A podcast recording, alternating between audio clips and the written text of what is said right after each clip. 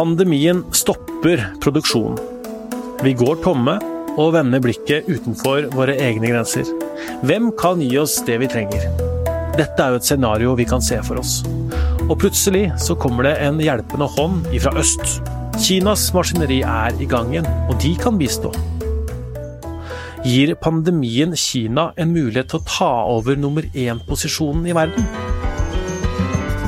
Jeg heter Tor Erling Tømt Ruud, og dette er Verdens gang korona.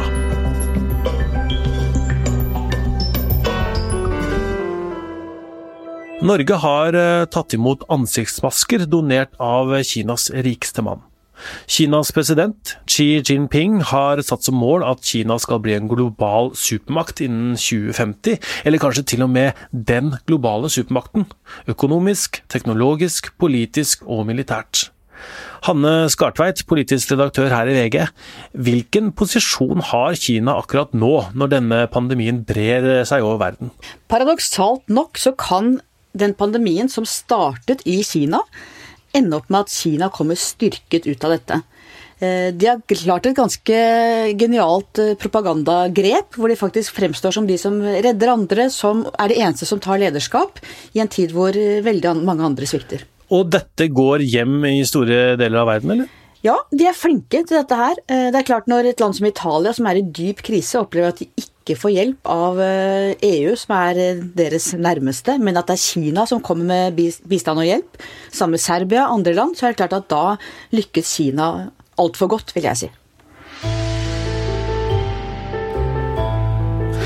I 1949 så blei Folkerepublikken Kina etablert. Siden da har landet vært under et kommunistisk eh, styre. Og I de siste tiåra har rismarkene i Kina blitt bytta ut med skyskrapere. Kinesiske myndigheter har åpna for handel med Vesten, og Kina har blitt et eksempel på et autoritært styre som samtidig skaper en enorm kapitalistisk vekst. Hvor fort vokser Kina på den måten, Hanne? Ja, Det er jo en helt utrolig historie. Hvis vi går tilbake mellom årene 1949 som du nevnte, og i dag, eller egentlig mellom 1949 og 1978, hvor de begynte med denne kapitalistiske utviklingen, så hadde de altså det store spranget som en, førte til enorm hungersnød og massedød i Kina. De hadde kulturrevolusjonen, som var en angiverstat og en brutalitet som verden knapt har sett. Titalls millioner mennesker døde. Og så, i 1978, så kom Deng Xiaoping og startet det han kalte åpne opp-politikken. Og etter det har det gått som en rakettfart, hvor Kina bare har vokst fra å være et av verdens fattigste land til et av verdens rikeste. The Chinese megacity of Shenzhen, a gleaming monument to China's economic miracle. In 1980, it was a town with around 60,000 residents. Now it's China's technological hub with a population of over 12 million. Entrepreneurs, high flying tech graduates, and international companies flock here to join the tech revolution. Nord for Hongkong der ligger den kinesiske megacityen Shenzhen. Eh, denne ble grunnlagt da på slutten av 70-tallet, for eh, rundt 40 år siden.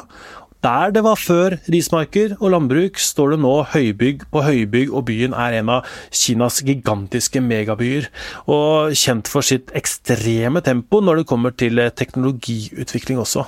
Så Kina vokser økonomisk, men regnes også som en teknologisk stormakt.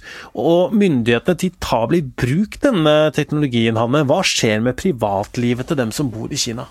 Ja, det er jaggu meg dårlig stelt. Altså, de har utviklet en ansiktsgjenkjenningsteknologi, et overvåkingssystem, et system med sosiale poeng, hvor de har full kontroll over hva du bruker pengene dine på, hvor du er, hva du gjør, og så får du sosiale tilleggspoeng hvis du gjør noe bra sett med regimets øyne, f.eks. Eh, sier bra ting, opptrer i tråd med lover, regler, kjører på grønt lys, den type ting, og så får du trekk i sosiale poeng hvis du f.eks. uttaler deg kritisk til regimet og da kan du få små straffereaksjoner. Alt fra at du plutselig ikke får se favorittvideoen din på, på internett lenger, til at du kanskje nektes reise, til at kanskje til og med hvis det er for mange minuspoeng, at barna dine ikke får skoleplass.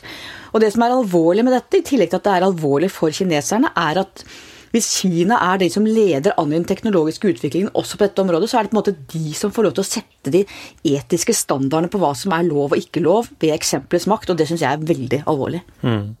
Eh, så de vokser økonomisk, de vokser altså stort teknologisk, og, og, truer på mange måter det som har vært eh, USAs posisjon i verden, som verdens mektigste land. Hva er Kinas store plan? Ja, som vi var inne på, så ønsker de jo å bli eh, verdens stormakt innen 2050. Eh, de, det er en fascinerende blanding i Kina av hva skal vi si, både eh, veldig stor selvtillit og veldig følelse av at de er offer, en slags dobbelthet som ligger i det. Nå ønsker de å vise verden at de skal være midtens rike, ta sin rettmessige plass. Eh, og det er de relativt eh, godt i gang med. Det er interessant, for at eh, jeg og veldig mange og mange med meg har tenkt at det er ikke mulig for et land å både ha så sterk økonomisk vekst og ikke samtidig utvikle seg som et demokrati. Vi har trodd at det er ikke mulig å ha en økonomisk vekst og demokrati uten demokrati. Så ser vi nå at det kanskje går an, og det sender ganske dårlig omen for framtida for hele verden, egentlig. Today we take a momentous step, one that has never been taken before with China. Toward a future of fair and reciprocal trade as we sign phase one of the historic trade deal between the United States and China. Avtalene Vesten har hatt med Kina, har vært sånn at de har gagna både Kina og oss. Og så lenge vi også har fått noe ut av det, som f.eks. billigere varer som vi kan tjene penger på her hjemme, så har vi syntes at det har vært greit. Selv om vi har visst at eh, vi gjør forretninger med et styresett med verdier vi i våre vestlige demokratier ikke kjenner oss igjen i. En av grunnene til at vi har tenkt at det kanskje er greit, er at man har eh, sett at så lenge Kina ligger så langt bak oss som de har gjort, så går det vel eh, på et vis. Men så ser man tydeligere og tydeligere at verdens mest overvåkende og kontrollerende autoritære regime stadig får mer makt i handelsbalansen i verden. Og det skremmer vel USA, Hanne? Absolutt. Og det interessante er at da, tok inn, da de rike landene i verden tok inn Kina i Verdens eh, handelsorganisasjon i 2001, så gjorde man det fordi man tenkte at det ville bidra til å, å si, vestliggjøre Kina, eller gjøre Kina til en av oss. Få dem til å følge handelsregler, på en måte bli, gå, ta del i det internasjonale regimet slik som vi kjenner det. Og så har det gått helt motsatt. De har blitt mer autoritære, mindre demokratiske i alle disse landene. Og det som er interessant i USA, som nå er veldig, veldig splitta, er at en av de få tingene, kanskje den eneste tingen amerikanske politikere, både republikanere og demokrater, er enige om, det er kampen mot Kina. At Kina utgjør en trussel mot USA og mot verden. Men hva med Europa og EU, da? EU har brukt mye lengre tid og vært mye mer splitta i sin tilnærming til, eh, til, Kina. Vi ser nå at det skjer en del ting. Det var en stor strid om Huawei, om de skulle installere 5G-nett f.eks. i mange europeiske land. Tyskland er det landet som kanskje har gått lengst nå i å stille krav om sikkerhet og på en måte legge begrensninger som gjør at du ikke kan få inn kinesisk teknologi på veldig sånn samfunnssårbare sikkerhetsmessige områder. Og det tror jeg kommer mer og mer i hele Europa. Men hvis det er sånn at eh, Kina lykkes med å bli den dominerende stormakten, er vi da i første gang i moderne historie i den situasjonen at et ikke-demokratisk land står for verdens største økonomi? Ja, det er helt riktig. Og det er ikke noe hyggelige perspektiver over det. Allerede i 2015 kunne vi høre president Xi snakke om hvordan Kina tenker om balansen mellom kapitalisme og styresettet sitt. Her hører vi han tale i FNs generalforsamling. It is important for us to use both the invisible hand and the visible hand to form synergy between market forces and government function and strive to achieve both efficiency and fairness. For litt siden så fikk Norge en stor forsendelse av smittevernutstyr. Både ansiktsmasker og beskyttelsesklær. Gaven kom fra en stiftelse som drives av Kinas rikeste mann. Med det vi har hørt om nå, om hvilke målsetninger Kina har om å bli enda mektigere i verden, lurer jeg jo på da, Hanne, er det noen bindinger i en sånn gave? Det er nok ikke noen direkte bindinger, i hvert fall veit ikke jeg noe om det. Men det som er interessant, og det er vi over på en litt annen debatt også, nemlig hvordan kan det ha seg at Norge mangler helt grunnleggende smittevernutstyr når en global pandemi har vært det som har stått omtrent øverst på alle globale trussellister i mange, mange år. Da gjør vi oss avhengig av andre og gjør oss sårbare i forhold til f.eks. For Kina. Og det er noe som vi må snakke masse om når alt dette er over. Men er ikke dette i tråd med liksom den globaliseringen som vi har drevet med i mange, mange, mange år? Jo, og den har vært veldig mye på godt, men nå ser vi også at noen ting må vi rett og slett passe på sjøl. For når det kommer en pandemi som dette, så vil hvert land naturlig nok passe på seg selv. Og hvis vi ikke har helt lagre med helt grunnleggende utstyr som dette, så er vi i trøbbel. Og det er vi nå. Vi hører om at produksjonen av varer stopper opp, både i Europa og USA pga. koronaviruset. Kina opplevde også stans i produksjonen tidligere år, men nå er jula i gang igjen. Så mens resten av verden går tom for varer, så kommer hjelpa fra øst. Kan Kina gjøre profitt på koronakrisen og rett og slett komme ut som en enda sterkere stormakt? Ja, men jeg tror det viktigste for Kina kanskje er på en måte, hva skal si, eh, PR-verdien, eller det at de blir, får en posisjon i innbyggernes bevissthet overalt i verden på at de er de som kommer og hjelper. Så jeg tror det er vel så mye at de får den plassen de føler de skal ha ved bordet i verden, mer enn økonomien. For hvis det er noe Kina har mye av, så er det nettopp penger, cash.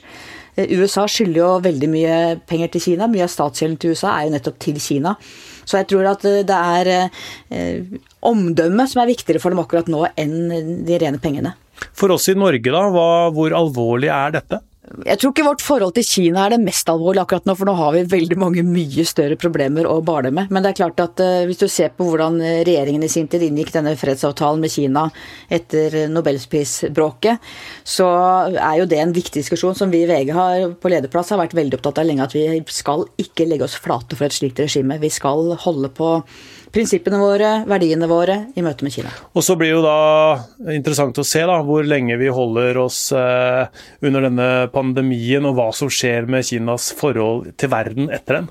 Ja, det blir veldig spennende. Og nå er jo En annen ting jeg er spent på litt i samme gata, er jo eh, om eh, hvorvidt Kina faktisk har fått ordentlig kontroll med eh, koronaen, de også. Eller om, om, de har stengt av for en stund og det popper opp igjen. Er, nå lever vi i en så usikker, usikker, tid, både i Norge, i Kina, i verden. Så hvor vi er om et halvt år, tror jeg ingen er gitt oss på. Takk for at du var med i podkasten vår, eh, Hanne. Bare hyggelig. Tusen takk for at dere inviterte meg. Verdens gang, som i disse dagene og ukene handler om koronaviruset, lages av Kristine Hellesland, Emilie Hall Torp og Nora Torp Bjørnstad. Jeg heter Tor Erling Tøm Trud, og Magne Antonsen er vår tekniske produsent. Vi høres!